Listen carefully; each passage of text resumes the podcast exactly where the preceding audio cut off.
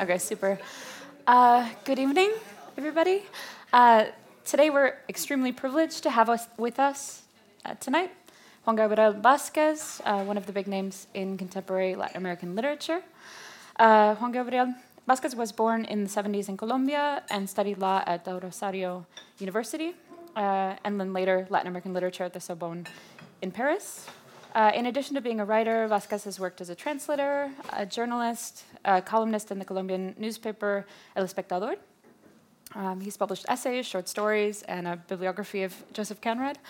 Conrad, sorry. However, it's his novels that have earned him in international recognition and a series of literary awards. Uh, for his most popular novel, The Sound of Things Falling, Vasquez was awarded the Alfaguara Novel Prize for Spanish literature, Sp- sorry, Spanish language literature in 2011, and the International IMPAC Dublin Literary Award in 2014. Uh, his novels have been translated into 28 languages, uh, including Norwegian, uh, and three of his novels have been translated um, into Norwegian: *The Sound of Things Falling*, uh, *Lyden av ting som faller*, uh, also *The Shape of the Ruins*, *Ruinens form*, and *The, Infor- uh, the Informants*. Uh, tonight, uh, Vasquez will read excerpts from The Shape of the Ruins, The Sound of Things Falling, um, and also discuss aspects of his novels, his career as a writer, and other topics that we will propose. uh, and towards the end of the evening, we'll open up the floor for questions from the audience, so um, have those ready. Uh, and I thought we could start by just, um, if you could just tell us a little bit about when and how you knew that you wanted to be a writer. Okay. Okay, well, thank you very much um, everybody for being here. It's a pleasure to be here for the second time. Um, after a conversation we had in Spanish yesterday with Ana Karina, to my left, we're going to try to do uh, the same thing in English. With some new questions, With some I new think. questions, yeah. yes. Is it working? Everybody hears me well? Okay. Um, so the, the truth, Alisa, is that I've always wanted to be a writer. I started writing when I was eight. And there's even a short story that I published in the, in the school's yearbook. Um, so there's the proof in, ca- in case you're, you know, skeptic.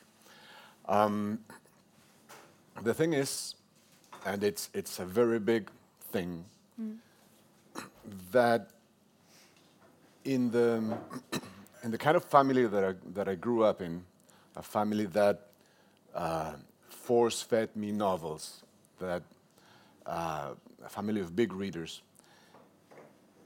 it wasn't easy to just raise your hand and say, I want to become a writer, because it was also a family of lawyers.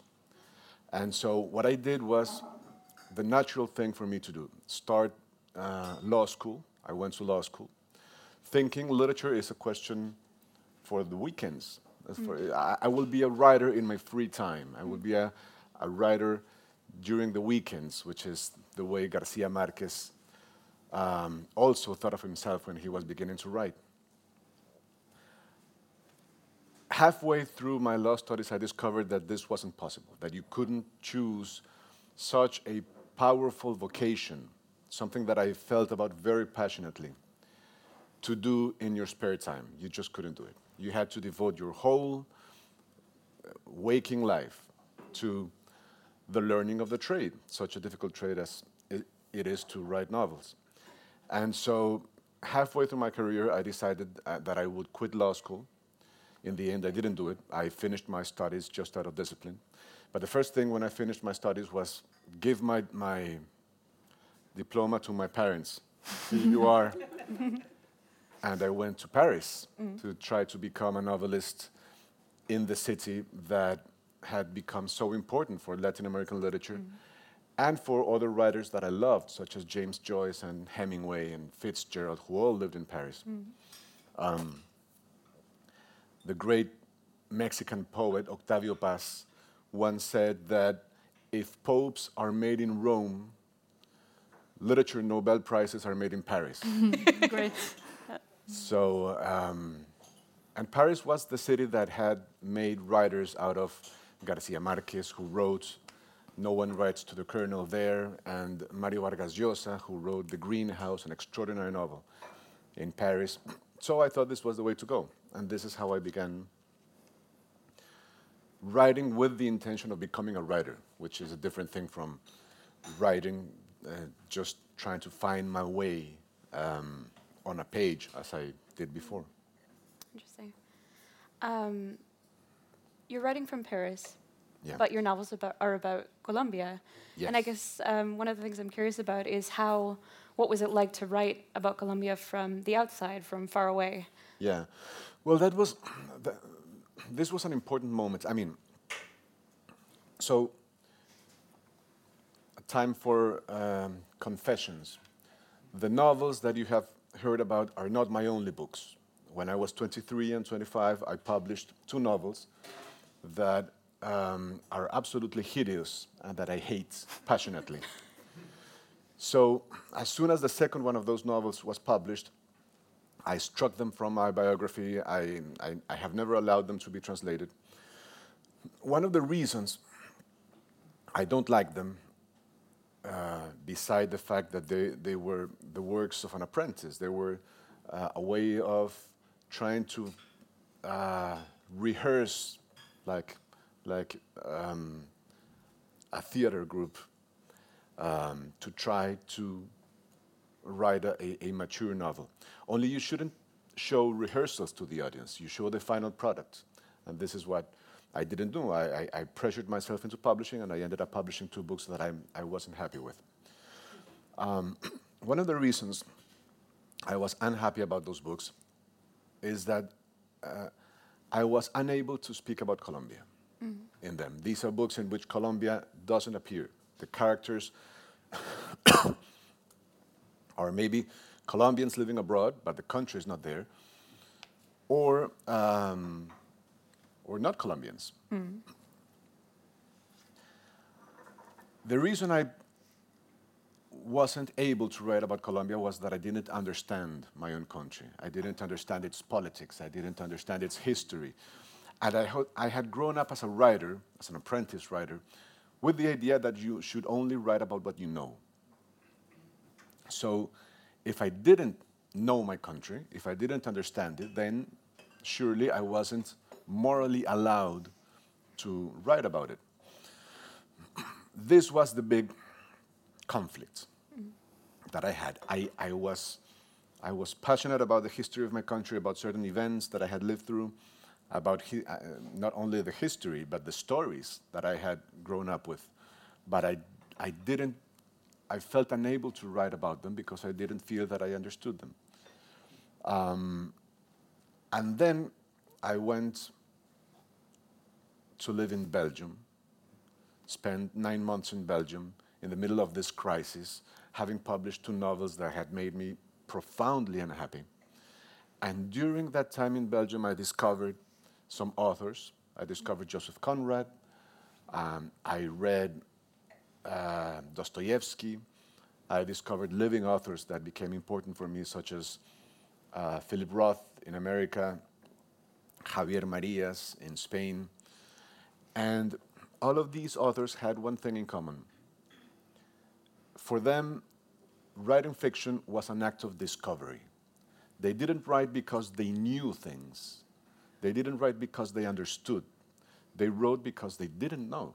Hmm. They wrote out of uncertainties. And so they were responsible for this kind of epiphany that I had. The fact that I don't understand my country is the best reason to write about it. because writing is the attempt to understand. And when that revelation came, um, I knew I had it. I had it all worked out. So uh, after that, my first novel was The Informers, and then I haven't written one single page that is not about Colombia, obsessively about Colombia. Um, has this process of writing, because now you're back um, living in Bogota, you Yeah. know? and so I guess I wonder how, after going, going through this process, or maybe still be, being in this process of discovery about writing your country or writing about your country, Yeah. um, uh, kind of how has your relationship with Colombia changed now being back there? Ah, well, it's much more complicated than ever, uh, really. I mean, writing is um, an act of discovery, but it, it also complicates things. When you write so obsessively about a place, you discover that it has more shadows, more dark places than you knew before. There's, there's this idea that goes around that writers write about their own places because these are the places they know. So Joyce writes about Dublin because that's what he knows, and Mario Vargas Llosa writes about Lima mm-hmm. in Peru because that's what he knows. I think that's false.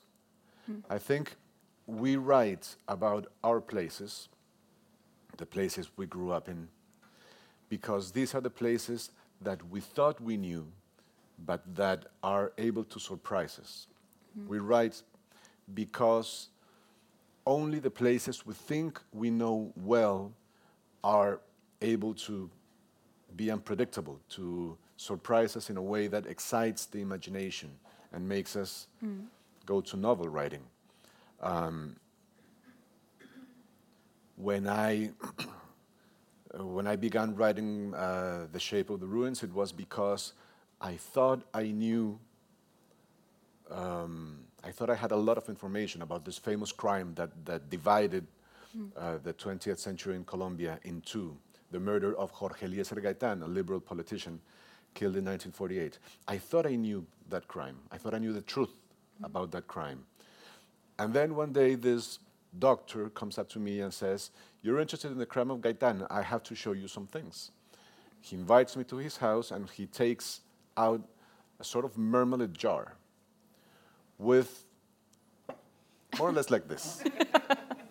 yeah, more or less like this. Only instead of Strandsenner, what does it say there?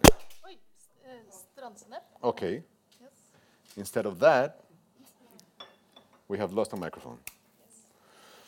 Instead of that, there is a vertebra that belonged to Jorge Eliecer Gaitan.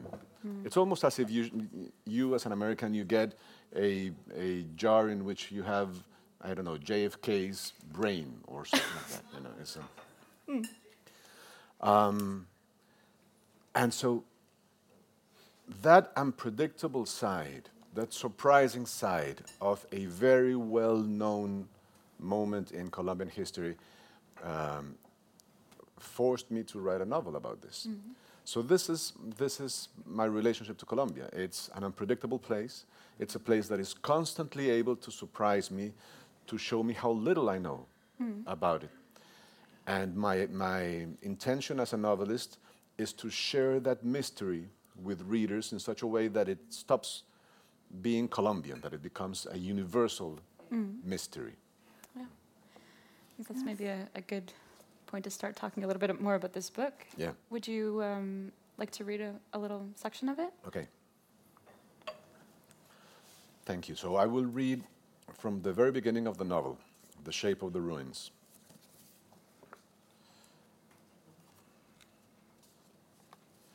So the first chapter of the novel is called The Man Who Spoke of Inauspicious Dates.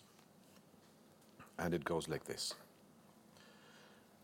The last time I saw him, Carlos Carballo was climbing with difficulty into a police van, his hands cuffed behind his back and his head hunched down between his shoulders, while a news ticker running along the bottom of the screen reported the reason for his arrest the attempted theft of the serge suit of an assassinated politician.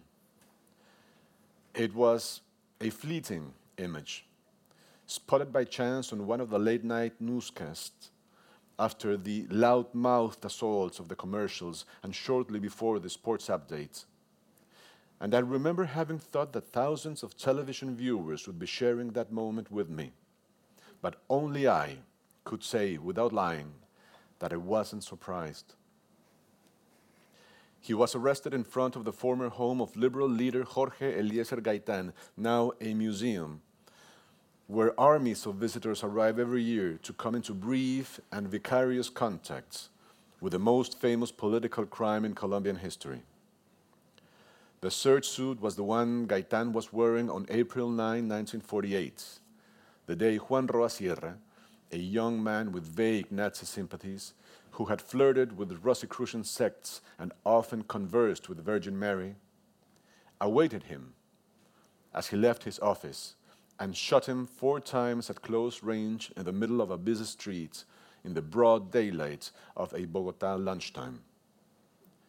The bullets left holes in the jacket and the waistcoat, and people who know that visit the museum just to see those dark, empty circles. Carlos Carballo, it might have been thought, was one of those visitors. That happened on the second Wednesday of April in the year 2014. It seems Carballo had arrived at the museum around 11 in the morning and for several hours had been wandering through the house like a worshipper in a trance or standing with his head tilted in front of the books of criminal law, or watching a documentary with stills of burning tram cars and irate people with raised machetes showing repeatedly over the course of the day. He waited for the last group of uniformed schoolchildren to leave before going up to the second floor, where a glass case protected the suit Gaitan was wearing on the day of his assassination. And then he began to shatter the thick glass with a knuckle duster. He managed to put his hand on the shoulder of the midnight blue jacket, but he didn't have time for anything else. The second floor guard, alerted by the crash, was pointing his pistol at him. Carballo noticed then that he'd cut himself on the broken glass of the case and began to lick his fingers like a stray dog. But he didn't seem too worried. On television, a young girl in a white blouse and tartan skirt summed it up. It was as if he'd been caught painting on a wall. All the newspapers the next day referred to the frustrated robbery. All of them were surprised, hypocritically shocked, that the myth of Gaitan still awoke such passions 66 years after the events.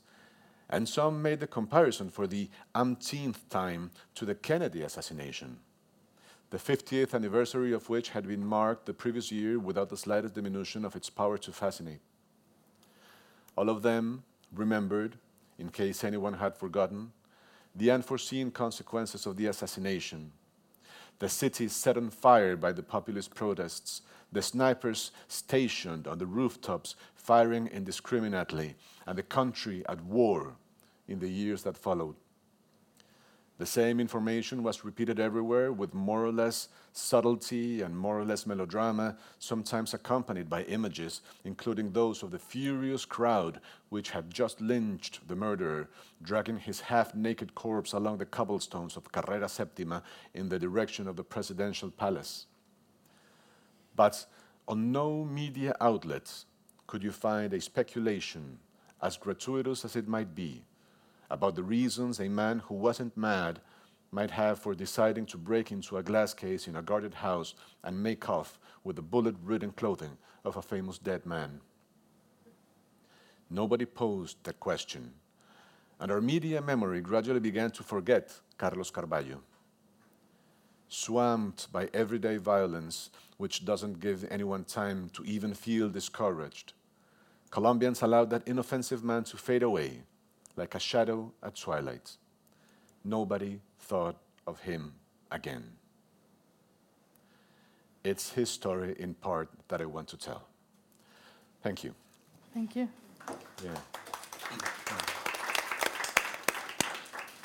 And here we are in one of the novels where you do commit to the history of Colombia. Yes. And in this part that you've read, we know a little bit about, well, we have some, some um, idea of the importance of uh, a p- political assassination, Yeah. the death of Jorge Eliecer Gaitan. So mm, perhaps not everyone in the audience know uh, how important and why this uh, death was so important and what followed. So perhaps you can tell us a little bit about that Yes. For us to comprehend a little bit better. Yes. Well, Jorge Eliecer Gaitan was a liberal leader. At the time of his death, had become a presidential candidate, and historians usually agree that he was about to win the presidential elections. Two years later, he would become Colombia's new president. The thing is, he was a difficult character. He was in a sense, he was what we now would call a populist. Um, he was an extraordinary public speaker. Once he, he commanded the silence of a crowd of 100,000 people gathered together. So imagine what this is like 100,000 people is a whole football stadium, and one man being able, through his authority, to keep all these people in absolute silence. It was something that he called the March of Silence, La Marcha del Silencio, which was a uh, non-violent protest against the violence that had been exerted by the government, by the conservative government, against the liberal peasants and partisans. So after that march, he became a threat. The thing is, he threatened everybody, not only the conservative government because he was a liberal that would become president, but also the liberal um, oligarchy, the liberal elites felt threatened by this guy. He was extremely popular, extremely authoritative. He could really command the respect and the action of many, many thousands of Colombians. On, 9th, on the 9th of April 1948, he was killed in the streets. Nobody to this day knows who really killed him. We know who the killer was, this guy called Juan Roa Sierra. But everybody serious in Colombia agrees that there's something else, that there's something behind this man. This idea is what makes his murder one of the dark pages in which Colombian history has lied to us. And this is one of the reasons that his death is still a mystery. Now, the other thing is that his death led to this, I'm sorry, led to this thing called the Bogotazo, which is a series of popular revolts that um, in the city of Bogota ended up with the death of 3,000 people in three days. And this, in turn, led to this period of eight years we Colombians call the violence with a capital V. During the violence, a sort of undeclared civil war um, killed 300,000 people in the next eight years. Again, historians and official history in Colombia sees a link between the violence and the moment we are experiencing right now. Um, the violence led through some political and economical changes to the creation of the Marxist guerrillas and then uh, the creation of the right-wing paramilitaries and then the drug money comes in and messes the whole thing up and then everything becomes the country we have inherited. I have been born in the country my, my um, daughters were born in in 2005. So this is the importance of Gaitan. His murder is, for a Colombian, is that mysterious place that uh, the murder of JFK occupies for an American only in Colombia. It was much more serious because it led to a kind of civil war that we are trying to outgrow even today. Yes. So it's crucial to understand Colombia, Yes. to know who Jorge Eliecer Gaitan was. Uh, I think it's crucial to understand Colombia, but also to understand what happened during the Cold War in, in South America. Gaitan was probably, this is one of the theories, he was probably one of the first victims of the Cold War because he, as, as a uh, as a social left winger, yes, Yeah. social reformer, um, left wing politician, a little bit to the left of traditional left wing or traditional liberalism in Colombia. Um, he represented a threat to the new world of the Cold War, and he was widely discussed by American authorities in Colombia. This guy is a danger, this guy is a threat, these are the cables. Um, I'm not, I'm not blaming anybody. Uh, but he became in 1948 um, one of the first left wing politicians that were widely discussed by American authorities. Um, and so he is part of what we now call the, the Cold War. Yes, which is perhaps coming back. Yes, that's true. I'm not sure. Yeah, less cooler than before, but yeah. Yes, well, the fronts are still there. And you've write this book, and you have Gaitan and, and his murder is, uh, is important, but there's also another history of violent political murder in the book. Yeah. So the book is the book is a series of investigations. Everybody in the book is trying to investigate something. Um, the narrator is a Colombian writer called Juan Gabriel Vasquez. That's curious. It's a I was, I was wondering about Yes, that. yeah. Yeah, because that is your name, isn't it? Yes, it's Wow. amazing. Yeah. So, Um, so, so you could, could tell us about that. So he's a character in the novel. Yeah, yeah. This, this Juan Gabriel Vasquez is, is uh, a writer, and um, what happens in the novel to him was more or less what happened in, the, in real life to me, which is that he um, he was back in Colombia. He was living in Barcelona, but he was back in Colombia um, for the holidays, for the summer holidays. His wife was pregnant with twins. And um, in the middle of his vacation, it was supposed, his twins were supposed to be born when he went back to Barcelona with his wife. Instead, they decided to be very premature babies, and uh, they were born in Colombia um, through a very complicated uh, birth of six weeks, six months and a half, which is very premature. So this meant this Juan Gabriel Vasquez had to stay in the hospital for quite a while while his daughters recovered in their incubators. And in those days, he met the doctor who showed, who showed him Gaitan's vertebra. Um, yeah. but he also showed him something else. From the same box, the same drawer, rather, this man produced a part of the skull of Rafael Uribe Uribe. He was a liberal congressman that you all know, even if you don't know, you know him, because he is the inspiration Garcia Marquez used for the character of Aureliano Buendia in 100 Years of Solitude. So if you have read that book, you know who Rafael Uribe Uribe was. Now, he was murdered in 1914 with blows to his head with a hatchet. Two carpenters uh, killed him. And this doctor that I met has this part of the skull in his home.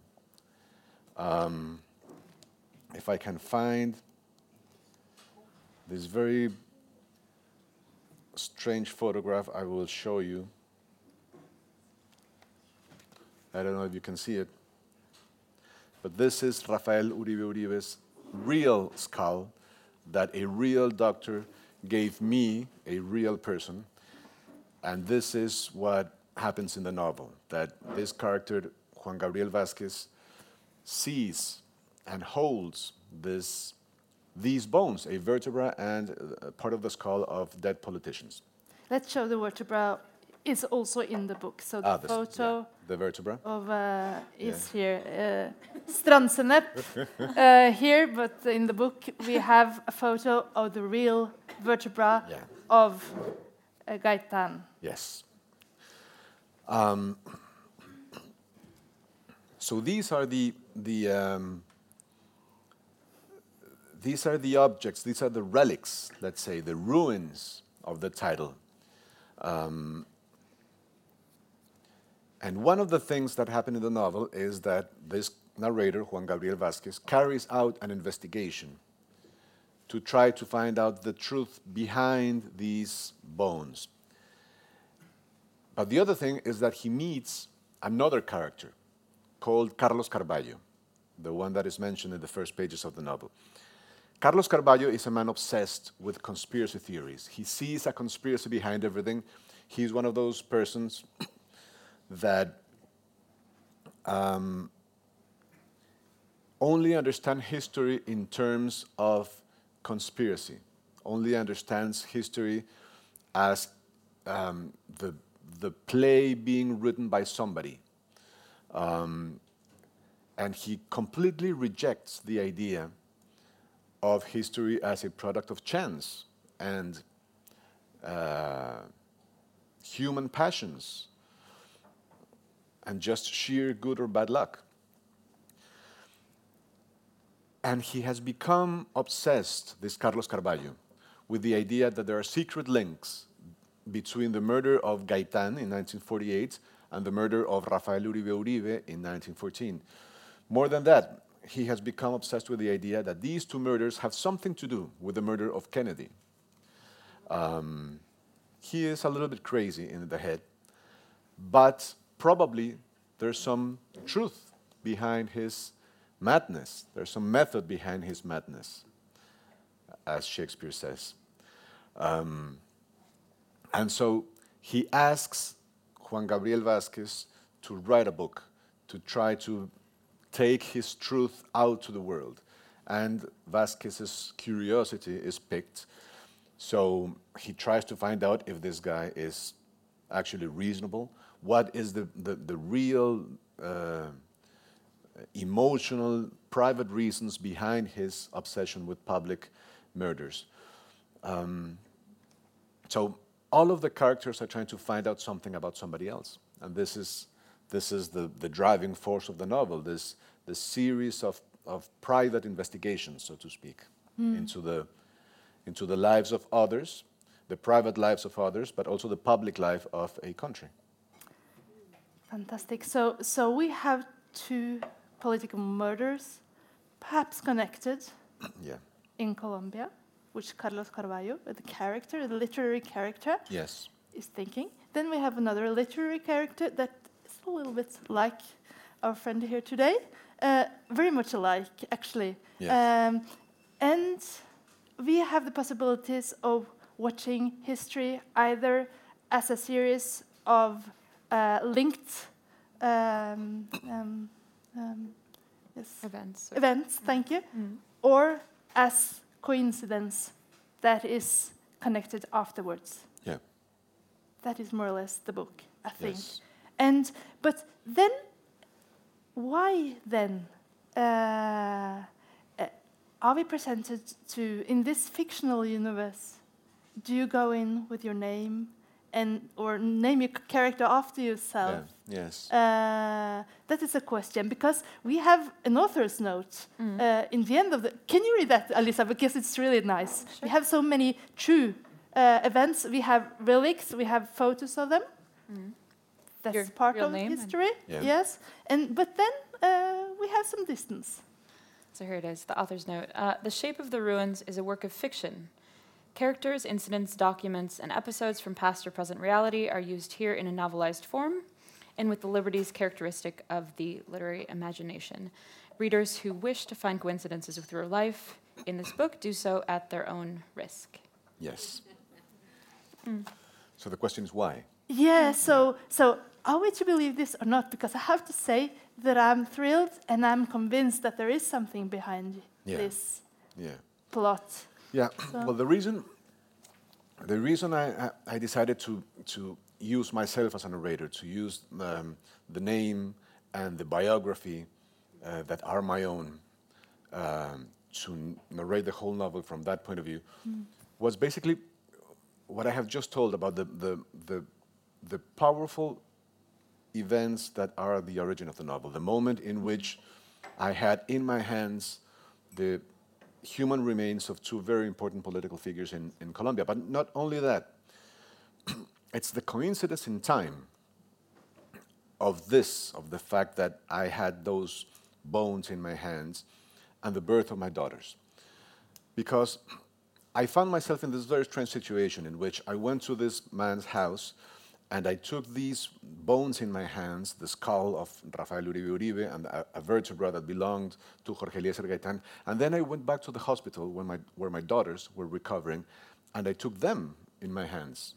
Two very small, small bodies that had just, of course, I washed my hands before, don't worry. but, um, but the question just began taking shape in my head. What relationship is, is there between these two events? Is Colombian violence something, Colombian past violence, mm. the murders that have shaped our political life, mm. are these events that my daughters will inherit? Mm. Is violence something that is transmitted from generation to generation, that comes down from generation to generation? And obviously, what can I do to protect them? What can I do to protect my daughters uh, from this legacy of violence that is the history of my country? This is the origin of the novel. This is this question that uh, began materializing is the reason I wrote 550 pages exploring those that situation, that autobiographical situation in connection with the murders. And it was such a powerful moment for me.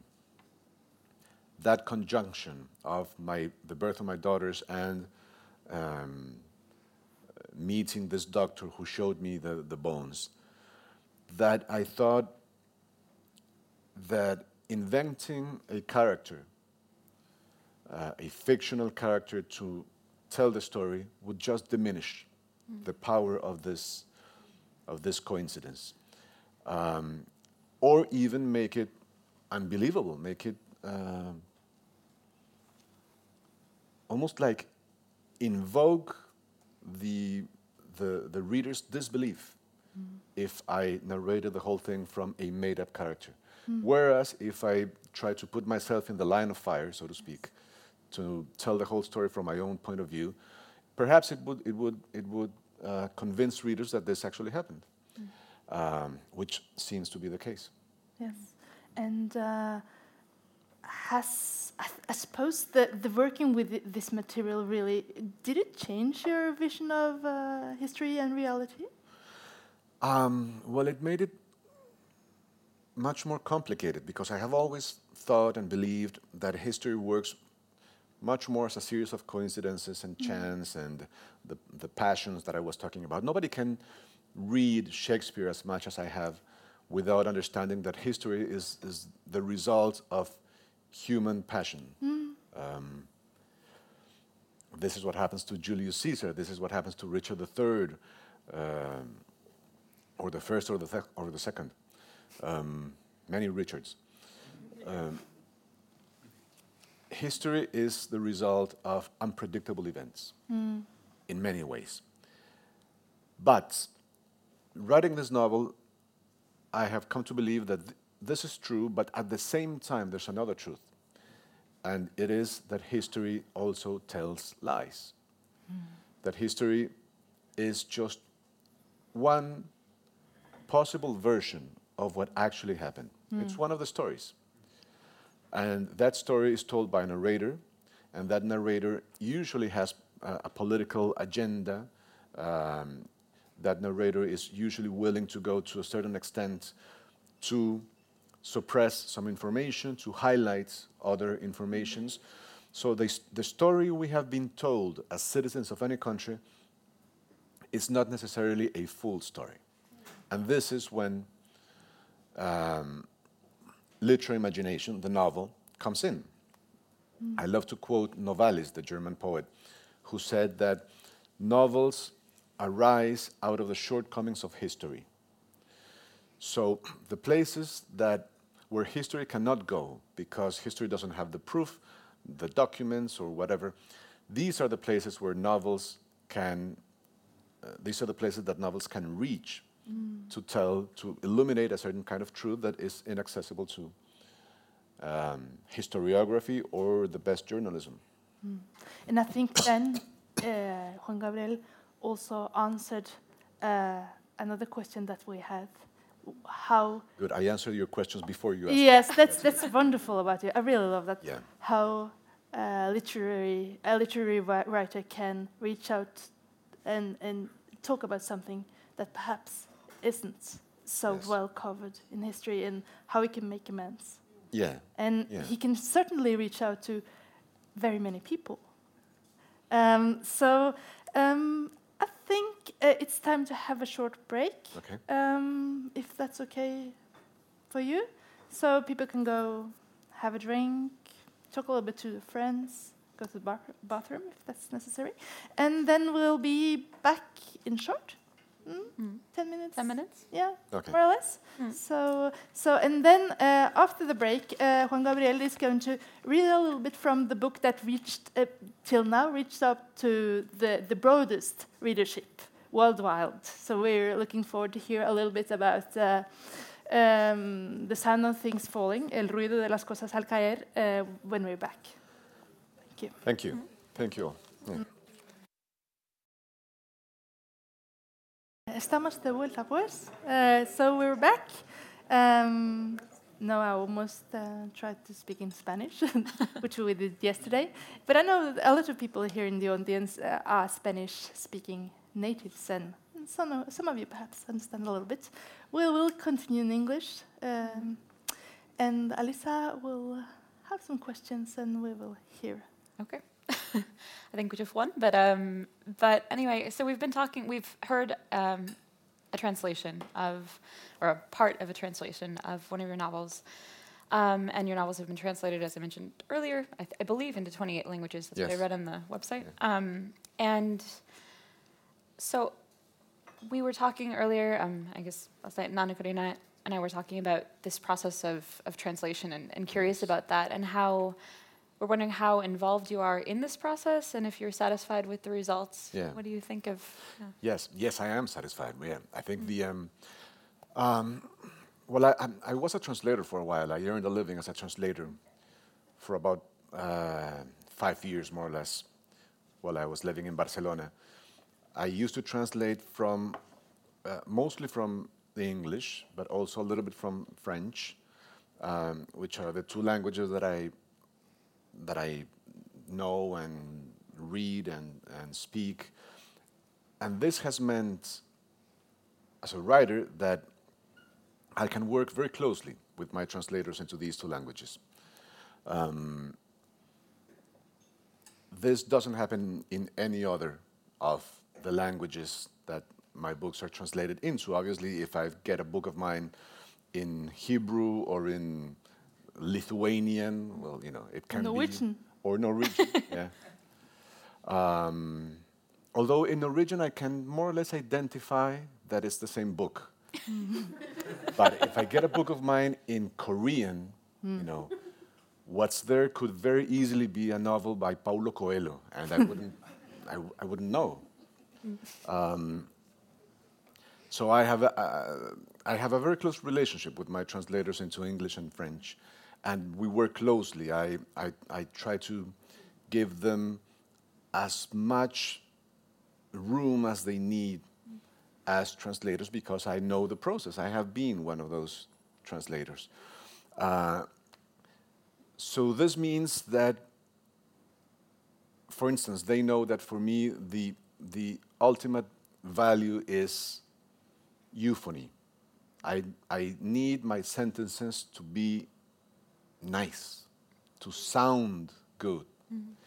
And so my translators know that they have complete authority to suggest changes that would make the translations better, the, the sound of the translation better. So probably a character that in Spanish is wearing a skirt, in English will be wearing pants because that sounds better for the sentence in English or whatever case. So, um, so this is what happened. My knowledge of the language allows me to give them certain uh, certain room to make changes, and and it's a fascinating thing. Um, I mean, I have always thought translation is one of the great phenomenons of culture. It's one of the most necessary phenomena of culture. You could not speak about reality without certain words that were, are not part of our, our own language that we have had to import from other languages. Mm-hmm. Um, so yeah, this, I mean, mm-hmm. you could not speak, for instance, about Colombian reality without two words that come from the Greek politician and idiot. right? The two words come from the Greek. You could not describe the reality of my country without these two words. So that's a proof translation is so necessary. Mm-hmm. Great. Super. Yeah. So, Um, would you mind reading a little bit from From the sound of things the things sound falling. of things Yeah. falling? Okay. and we can hear. Yeah, hear hear the results, I guess, of Yes. this process. So this is the beginning of the novel, the beginning of the sound of things falling, whose first chapter is called One Single Long Shadow.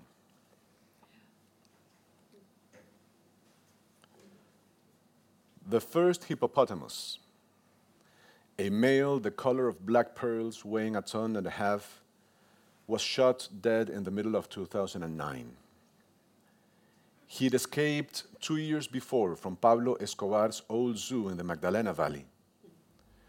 And during that time of freedom had destroyed crops, invaded drinking troughs, terrified fishermen, and even attacked the breeding bulls at a cattle ranch.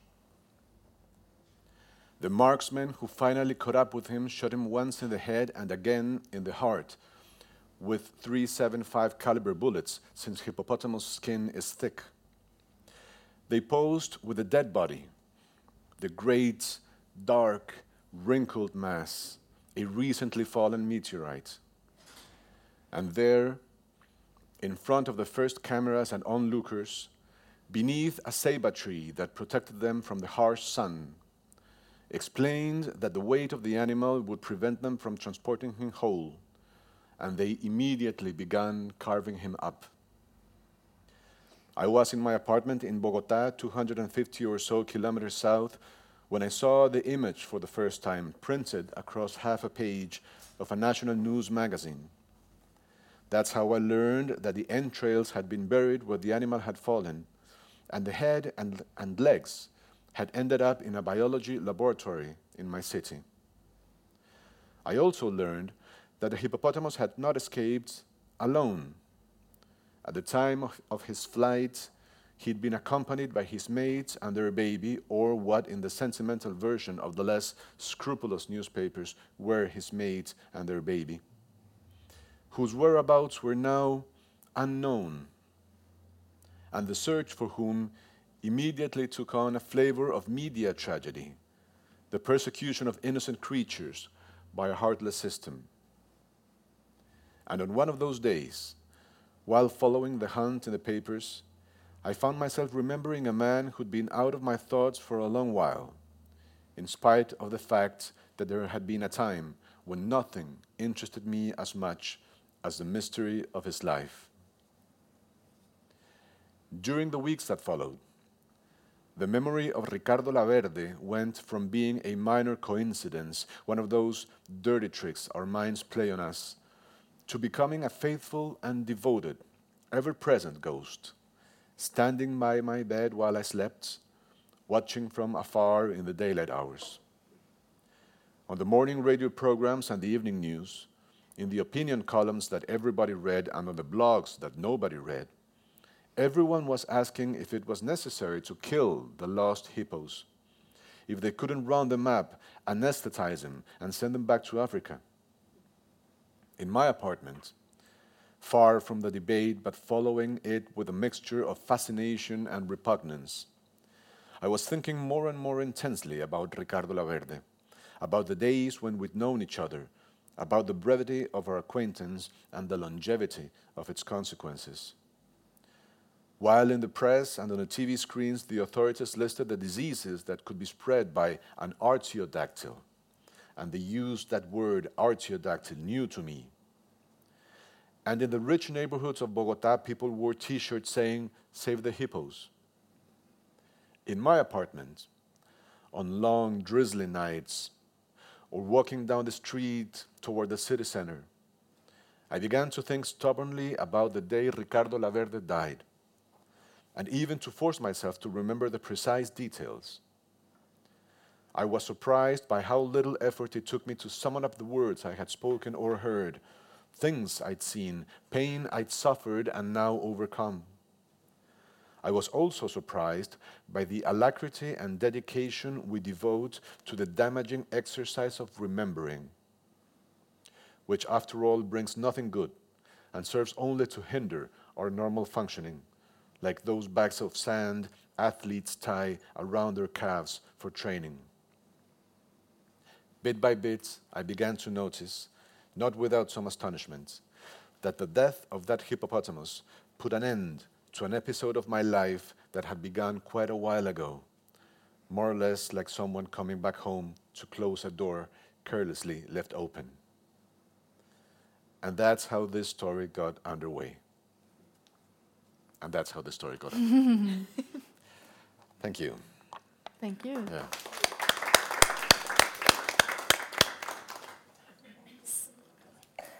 So, so here we are um, in 2006, Yes.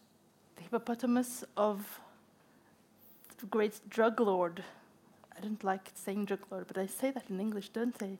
Yeah. Uh, Pablo Escobar, Yes. which is perhaps perhaps the most famous person from Colombia these days. I'm not sure. I hope not, but I, I hope not too. Yeah. I hope it's you. But but or No, Garcia Marquez. Yeah, okay, yes, the, uh, the other Gabriel, right? Yeah. Uh, yeah, but but then again, uh, some of the news that we uh, come to know about Colombia are uh, related to drugs Yeah. and drug trafficking. Yeah. And this person, Ricardo Laverde, he's into that, isn't he? In the very beginning. Yes. So, so you come to, to, to the end of the period you explained before. Um, we've seen the uprising of the violence and the consequences in the society. We've heard about uh, how these, um, these events create, uh, perhaps uh, contributed to the creation of the guerrillas. Yeah. And then the guerrillas got into drug. Yes. Um, or perhaps there were some, yeah, a little bit of trafficking before. Yes. And and we have a little bit of that history here, haven't we? Yeah. Well, the novel was was uh, born with the with the story of that pilot that really um, obsessed me for a while.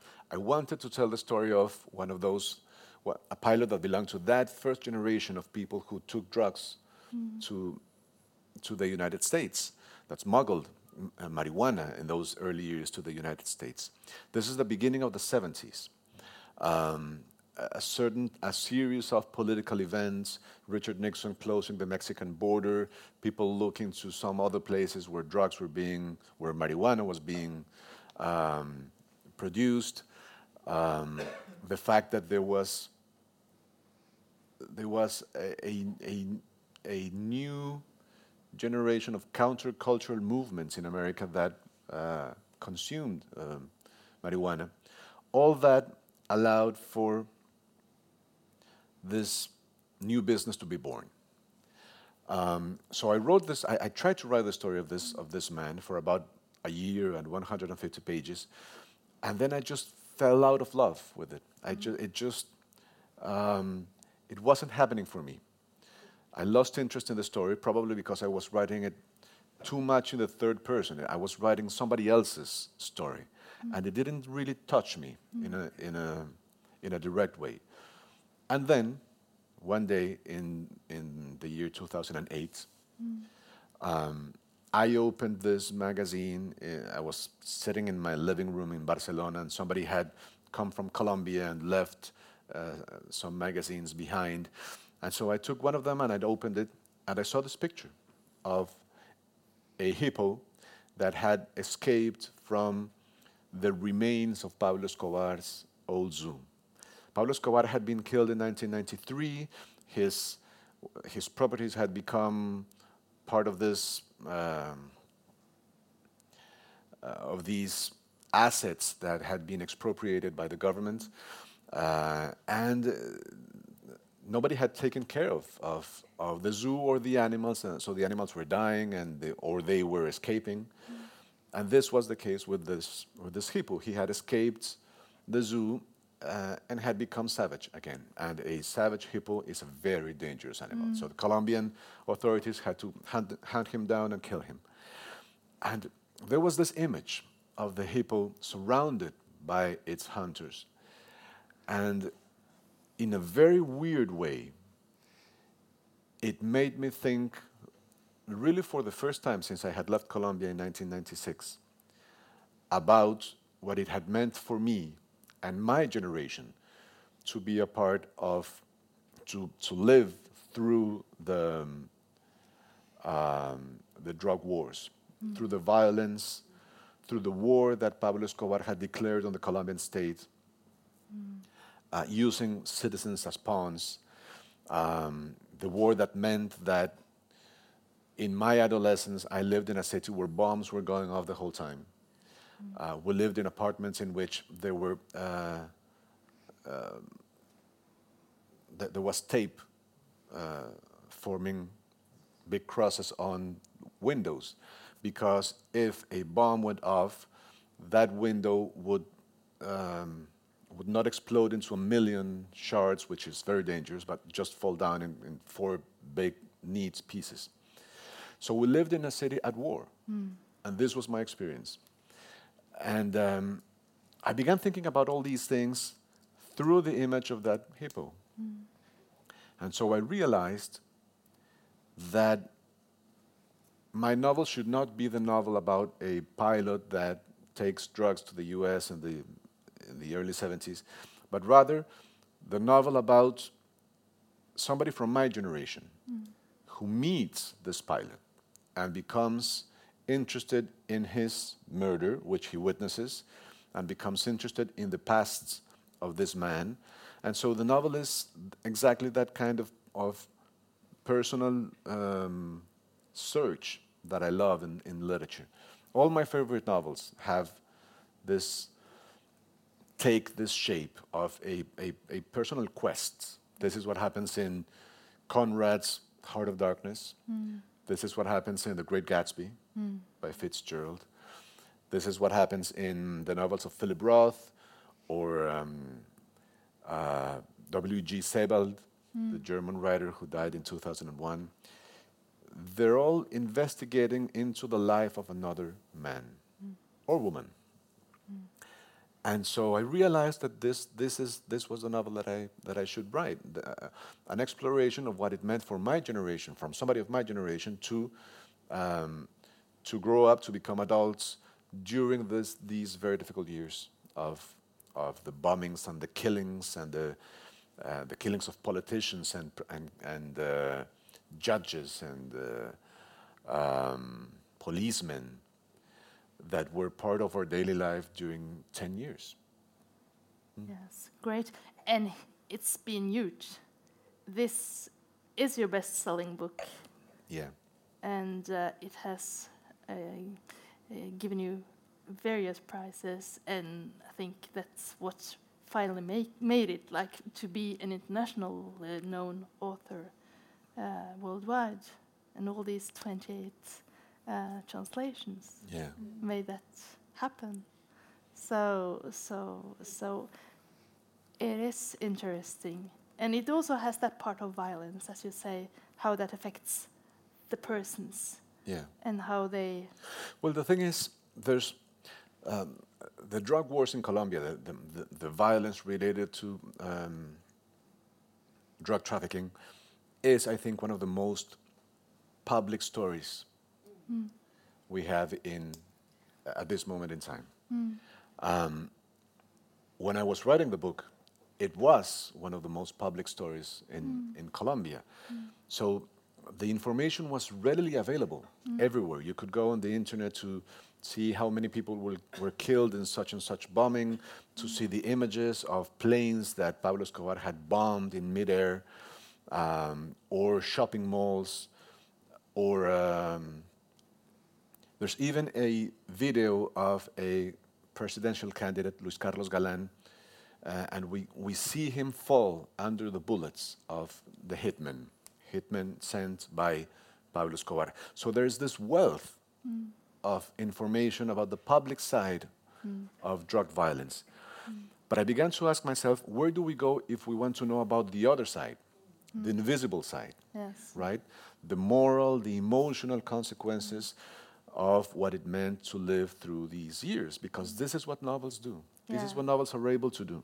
They're able to shed some light on the invisible side of things.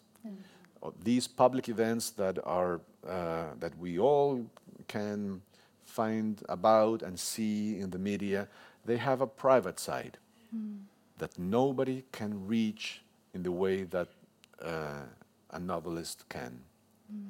That is to say, novels allow us a kind of understanding about public events that public events don't have by themselves. And this is what I wanted to, to do. I wanted to build a house in which we can understand uh, the private side of, of, of these events and probably um, um, destroy a certain kind of cliche about the drug wars that and some glorification that has come through glorification, some uh, uh, yeah. quite a some series yeah. Netflix series. this I novel think. is a contradiction of Narcos avant la lettre. yes. So I wrote and it Thank you. many years before Narcos, Yes. Mm. but it, this novel is a book that tries to say Narcos is wrong. It's creating Yeah. human uh, Yeah. tragedies. Yeah, or it's frivolous, or it's um, or it simplifies a very complex situation. Um, so yeah, this is what literature does. It tries to say, hey, things are not as simple as you are showing them. Yeah, Right. I'm very happy about this book existing and yeah, fighting a little bit the glorification of the subject or Yeah. the the easy going theme that might just Yeah. cause curiosity. Yes. So um, yeah, so I think we we're uh, closing. Uh, we're getting close to the end of the event. We have some final questions, and then we want to open for for questions from the audience. We hope you've been thinking about those during. Uh, so yes, Time for one or two. hmm? yes, whatever. Okay, yeah. sure. Um, so we've mostly talked about your novels uh, today, or I guess only um, talked about your novels, but you've also written short stories and you've Yeah. written a biography and essays. Um, but you talk about the role of the novel, um, or that you have a specific purpose for these novels and Yeah. kind of this exploration, um, getting to know your country, other things that you've mentioned. But what is the role, I guess, of these other literary genres? Why, um, kind of, what brought you to them, or how? What Yeah. do you try to do Yeah. there that's different than? Um, yeah, well, I just published this book of short stories, for Mm-hmm. instance. Uh, two months ago, I published in Spanish um, a book of short stories, and really, it brought back to me the, this this essential truth about fiction, which is that um, genres do different things. I mean, when when a literary genre stops doing something better than anybody else, it disappears. This is what hap- what happened with um, the epic, for instance. Nobody writes like Homer anymore. Why? Because some other genres began doing the same thing but better, and so it disappeared.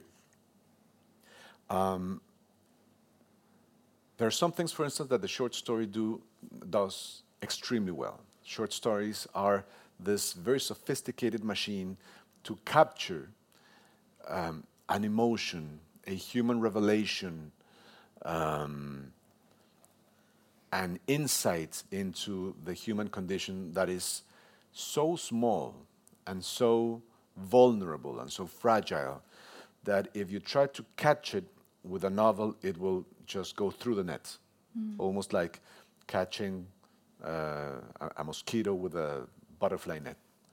Um, but that doesn't mean these, these emotions are not important. So, what happens in a story by Chekhov or by Hemingway is that you are, you are witnessing how you can capture a small, fragile, vulnerable, ephemeral emotion so that we can understand it. But it's, it's too small to be uh, dealt with in a novel. So, this is the reason to write short stories. They are little artifacts designed to do something that novels cannot do. Um, and on the other hand, novels can do some things that uh, short stories cannot do. Do you feel, uh, by any chance, that you get closer to the Latin American uh, writer. When uh, you you mentioned you have a lot of North American influence, I think in your, you, there, there, but but we know of all these great uh, short story writers Yeah. of uh, Borges who didn't write novels. Yes. Cortázar, the Argentine, both Argentinian. Um, yes, Yeah. there are very many Yeah, yeah, examples that's- of good short story writers. Quiroga. Short stories are a genre that is very dear to Latin American uh, readers and writers. Uh, I mean, in Latin America, you can make a reputation by only writing short stories, which is the case of Borges. Um, most readers of Julio Cortázar, these great Argentinian novelist, uh, agrees that he, he wrote his best work as a short story writer. And uh, the sad thing with this is that these things don't get translated because, because the appreciation Latin America has for the short story is only matched by Americans and by the Irish, weirdly. Yes, much more than the uh, uh, than Brits. Uh, so there are these traditions that appreciate the short story much more than some others. For instance, the French don't understand the short story right now. They don't appreciate it, which is strange because one of the founders of the modern short story was Guy de Maupassant, a French writer. So it's sad that, that this book of stories that I just wrote will never get translated into s- uh, some European languages, but you know, it's a sad fact of life. So if we are really, really, really many readers in Trondheim, perhaps we can make it happen. I am sure we can. that would be great. yes, so Go let's- Trondheim. Yes, go, go, let's go for it. So, yeah, that would be great. So, um, And- yeah, one last question. One perhaps? final question. Um, you just talked about the collection of short stories that you just Yeah. published, but what, what are you working on right now? What's your next, or what, yeah, what projects are you? Um, well, I'm writing, I'm trying to write this book. Uh, it's very difficult to talk about it because I really don't know what it is. I don't know if it's a novel or a sort of very weird biography um, or a nonfiction piece. It's a novel about a friend whose name is Sergio Cabrera. He is a Colombian filmmaker, one of the best Colombian filmmakers, certainly widely known.